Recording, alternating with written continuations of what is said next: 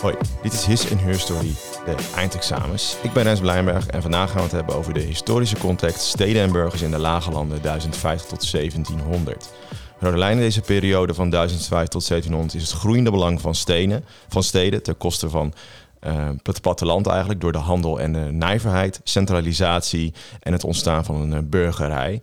Eigenlijk uh, is deze historische context te verdelen in drie delen, namelijk ten eerste het ontstaan en de opkomst van zelfstandige boeren, Twee, de groei en bloei van de burgerij in de steden en uiteindelijk de botsing met de Burgondische en Habsburgse landsheren, wat weer leidde tot de opstand van 1302 tot 1602 en de laatste periode de rol van de burgerij in de republiek 1602 tot 1700.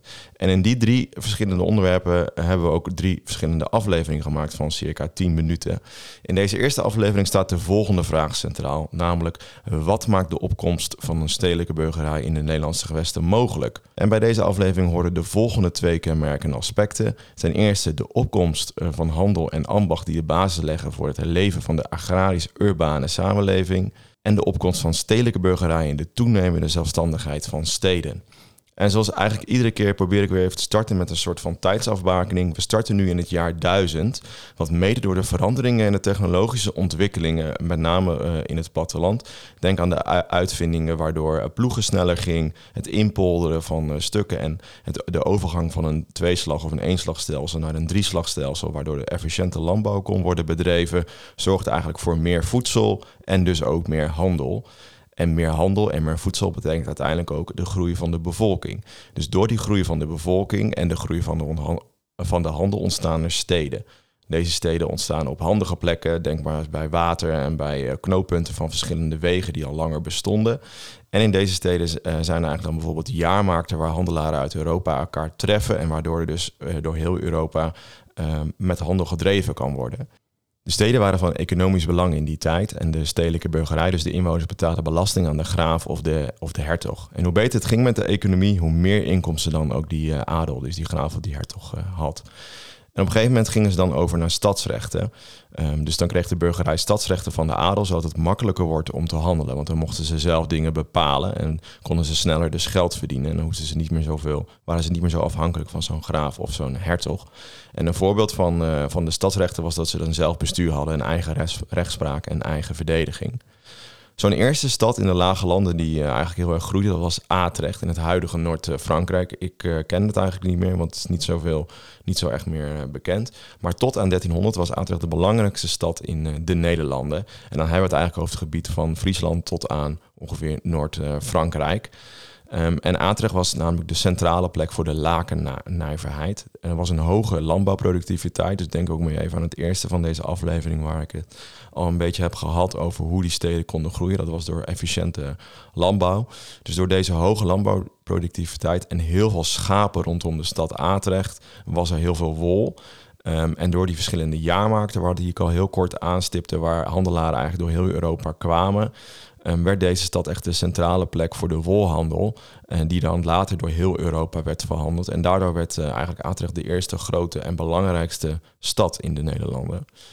Maar tegen 1300, dan zijn we ook aan het einde eigenlijk van deze ehm, periode, werd Atrecht als centrum van nijverheid overvleugeld door andere Vlaamse steden als Brugge die uh, via de Noordzee-aansluiting door kanalen eigenlijk een betere plek hadden en uh, daardoor ook contact hadden met steden in met name Noord-Nederland en Noord-Duitsland via het Hanse-verbod. Verbond en dus zo ook uh, handel hadden met Spanje en, en Italië.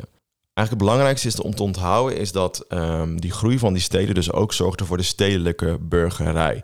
En deze stedelijke burgerij was vaak door die handel erg rijk en soms al rijker dan de, dan de adel die al eeuwen bestond.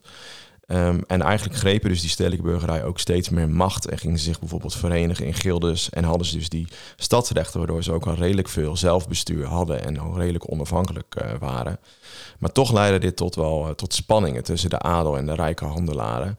En het beste voorbeeld en het grootste voorbeeld hiervan is de Gulden Sporenslag in 1302 de Franse koning, die uh, eigenlijk indirect uh, regeerde over de, over de gebieden in de, in de lage landen, wilde zijn invloed groter maken in uh, Vlaanderen. En die koning van Frankrijk kwam hierdoor recht tegenover de stedelingen te staan.